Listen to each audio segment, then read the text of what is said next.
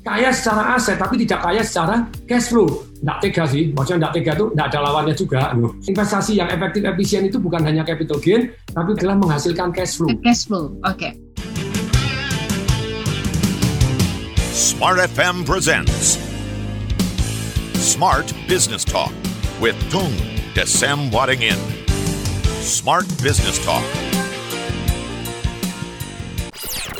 Jumpa lagi bersama saya Aiman Wicaksono. Izinkan saya untuk berbagi cerita menarik dan berkesan selama penggarapan program Aiman Kompas TV yang belum pernah saya ceritakan sebelumnya. Eksklusif di podcast Aiman. Dipersembahkan oleh Medio by KG Media, siniar cerdas tanpa batas. Eksklusif di Spotify dan YouTube Trusty Official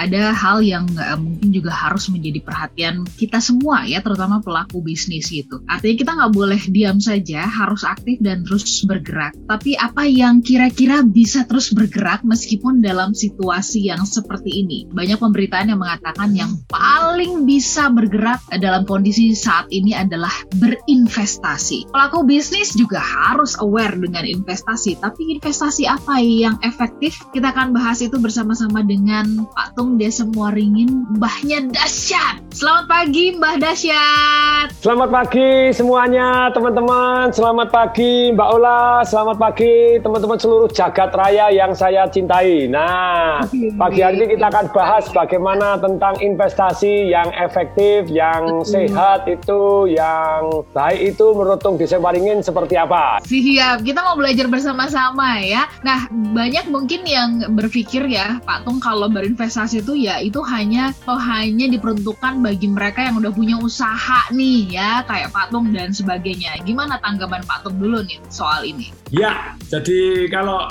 investasi itu sebetulnya ada beberapa prinsip gitu ya. Nomor satu, kalau investasi yang terbaik adalah bagi saya adalah investasi leher ke atas nih. Jadi Oke, itu yang pertama ya.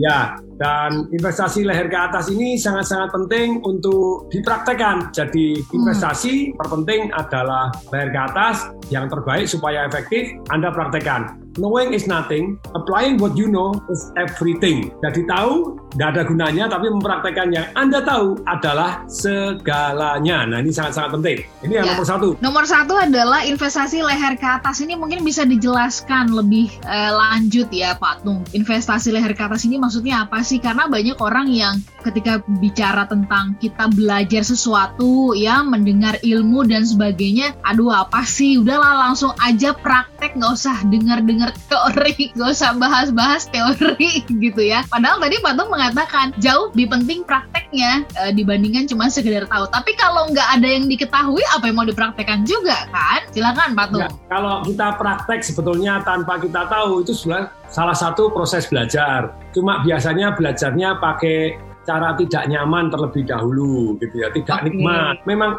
orang sukses itu antisipasi bukan bereaksi. Bagaimana orang sukses bisa antisipasi? Karena mereka terus belajar, mempelajari sejarah, kemudian saya mempelajari sejarah dari orang-orang para ahlinya dan investasi leher ke atas ini yang seperti tadi yang namanya untuk ilmu pengetahuan dan kemudian kita praktekkan sering kali bukan hanya sekedar menyelamatkan kita dari kondisi pandemi ataupun kondisi krisis, hmm. tapi juga membuat kita tumbuh bahkan lebih kaya daripada sebelumnya. Nah, saya pribadi sudah tiga kali dalam kondisi kena kena resesi ataupun krisis tahun 97 98 2008 2009 sekarang 2020 2021 ini ya so far so good jadi malah makin berjaya makin berkibar investasinya meleduk dalam arti secara valuanya juga meningkat Pak happy dong happy secara hmm. kertas hmm. gitu kan belum dicairkan gitu happy secara kertas oke okay. tapi kan minimal happy dulu secara kertas dan itu semua pastikan didapat karena belajar gitu ya karena terus menambah ilmu yang luar biasa Pak Tung yang kedua investasi apa nih ya setelah investasi leher ke atas yang Bapak pelajari sepanjang melewati banyak krisis sampai akhirnya sekarang menemukan ini nih investasi yang efektif? Ya, jadi investasi yang efektif itu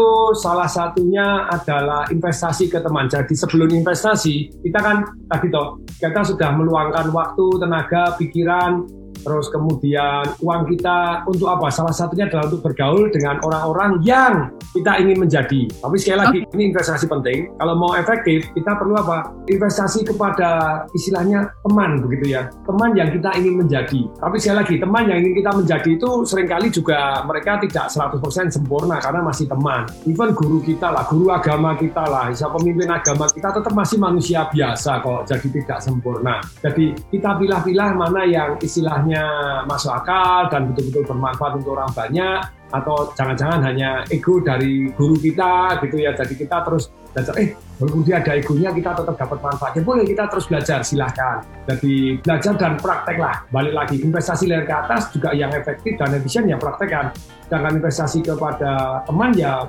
praktek lah gitu ya. Jadi Anda cari peluang hmm. dari teman-teman investasi ke teman itu luar biasa. Boleh dikata bahkan hmm. bisnis-bisnis saya, investasi-investasi saya bukan ikut-ikutan kepada teman, tapi saya belajar hmm. ilmunya dari teman-teman saya terlebih dahulu. Dan okay. yang lebih keren lagi kalau mau efektif dengan teman itu berpartner lah.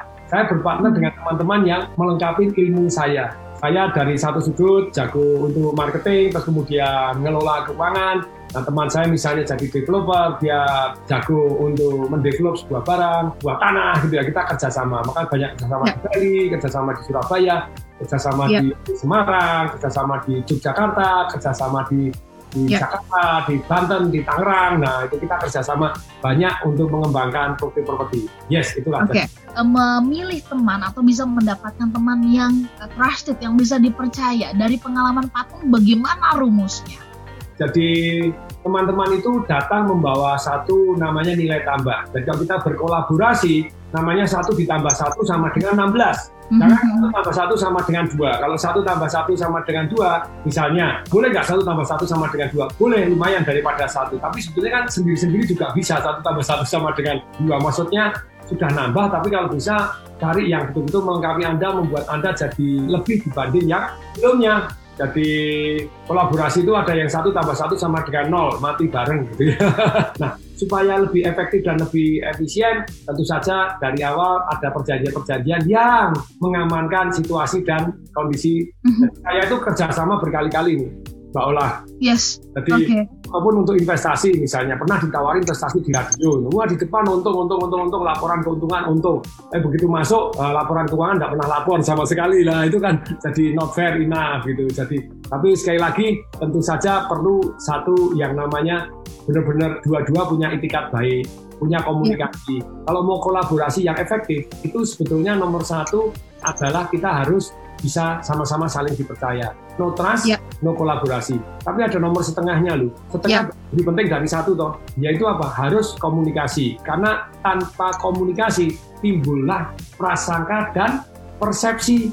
Ya. Nah, tapi sekali lagi komunikasi yang terbaik itu nomor seperempat. Jadi bukan pakai WA. Nah sekarang sih lumayan pakai Zoom kita bisa lihat ekspresinya. Zaman dulu kan pakai teks saja di SMS atau di uh, itu kurang itu sudah lebih bagus daripada tidak komunikasi sama sekali. Tetapi komunikasi yang terbaik yaitu nomor seperempat. Tadi nomor setengah kan lebih penting dari nomor satu. Nomor seperempat berarti lebih penting dari komunikasi nomor, kita yaitu apa? Betul. bro. Ketemu sih kalau anda tidak ketemu ya terus kemudian apa yang terjadi? Kayak contohnya ada orang satu dalam kondisi menganggur sekarang karena keluar dari pekerjaan, eh, pekerjaan. Okay. Pak Tung, tolong saya dibantu. Oke okay, ya? Saya jawab di SMS di WhatsApp, mau usaha sendiri. Orangnya marah, orangnya marah. Oh, jadi Pak Tung tidak mau bantu saya, saya disuruh usaha sendiri. Maksud saya usaha sendiri, mau bisnis sendiri, mau buka sendiri, jadi makelar. Loh. Jadi komunikasi yang lengkap itu dengan ekspresi, dengan begini banyak salah persepsi karena ya orang kalau ketemu itu masih ada sungkanya, masih ada ekspresinya. Karena kata-kata itu cuma 7%. Nada, kualitas suara Anda itu 38 persen. 45 persen yang ekspresi wajah Anda, gerakan Anda. Nah ini akan membuat orang jadi lebih konfirmasinya lebih cepat. Nah jadi kolaborasi yang efektif itu sama-sama punya tujuan dan kemudian tujuan yang sama mau membesarkan samanya adalah sama tujuan tapi beda istilahnya saling melengkapi supaya kita satu tujuan Misalnya Anda mau kerjasama, Pak yang satu pasir, yang satu semen, yang satu air, yang satu batu bata atau batu kali. Boleh, selama tujuannya sama-sama bangun tembok gitu ya. Nah kalau yang satu linggis, boleh nggak? Boleh itu untuk ngudek lah. Tapi kalau satu linggis tujuannya mau bongkar tembok, nah dari awal aja sudah beda tujuannya. Nah kolaborasi tidak akan efektif dan efisien. Nah, terus kemudian dari karakter juga boleh karakternya karakternya melengkapi boleh, tetapi istilahnya tujuannya sama, karakter melengkapi, keterampilan saling melengkapi, tetapi nilai-nilai luhurnya sama. Jadi sama-sama harus bisa dipercaya. No trust, no karir. Untuk bisa dipercaya harus sering komunikasi. Komunikasi ya tatap muka penuh ekspresi Anda gitu ya. Jadi inilah yang lebih kolaborasi efektif itu teman. Teman kalau Anda mau kolaborasi ini jurusnya. Nah, ini investasi yang kedua gitu ya. Ya, jadi investasi yang ketiga itu Anda harus bisa kalau mau efektif dan efisien, Anda harus bisa membedakan antara investasi dengan trading. Ayo, trading apa? Investasi apa? No. Oke, investasi dengan trading harus di- bisa dibedakan ya. Jadi banyak orang tidak bisa membedakan. Jadi jual beli dianggap investasi. Yang namanya investasi itu bedanya dengan trading.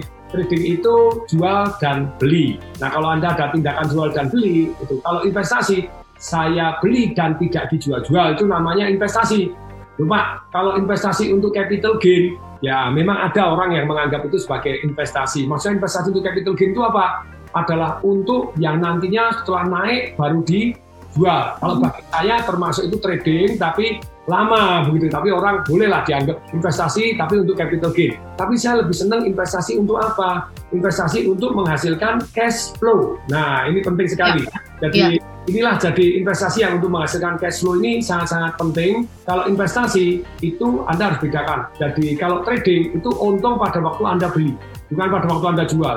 Maksudnya dengan Anda mempunyai pengetahuan tadi nomor satu, pada waktu Anda beli sudah untung duluan. Oke, jadi Anda harus bisa melakukan satu yang namanya aset alokasi. Itu yang kelima. Kalau yang keempat, Anda membedakan antara investasi dengan spekulasi. Saya ulangi ya, investasi efisien, baik gitu. Jadi nomor satu adalah investasi leher ke atas. Kalau Anda nggak ngerti, ya nggak bisa. Saya, saya bilang, perak hari ini bagus loh. Anda nggak ngerti caranya ini.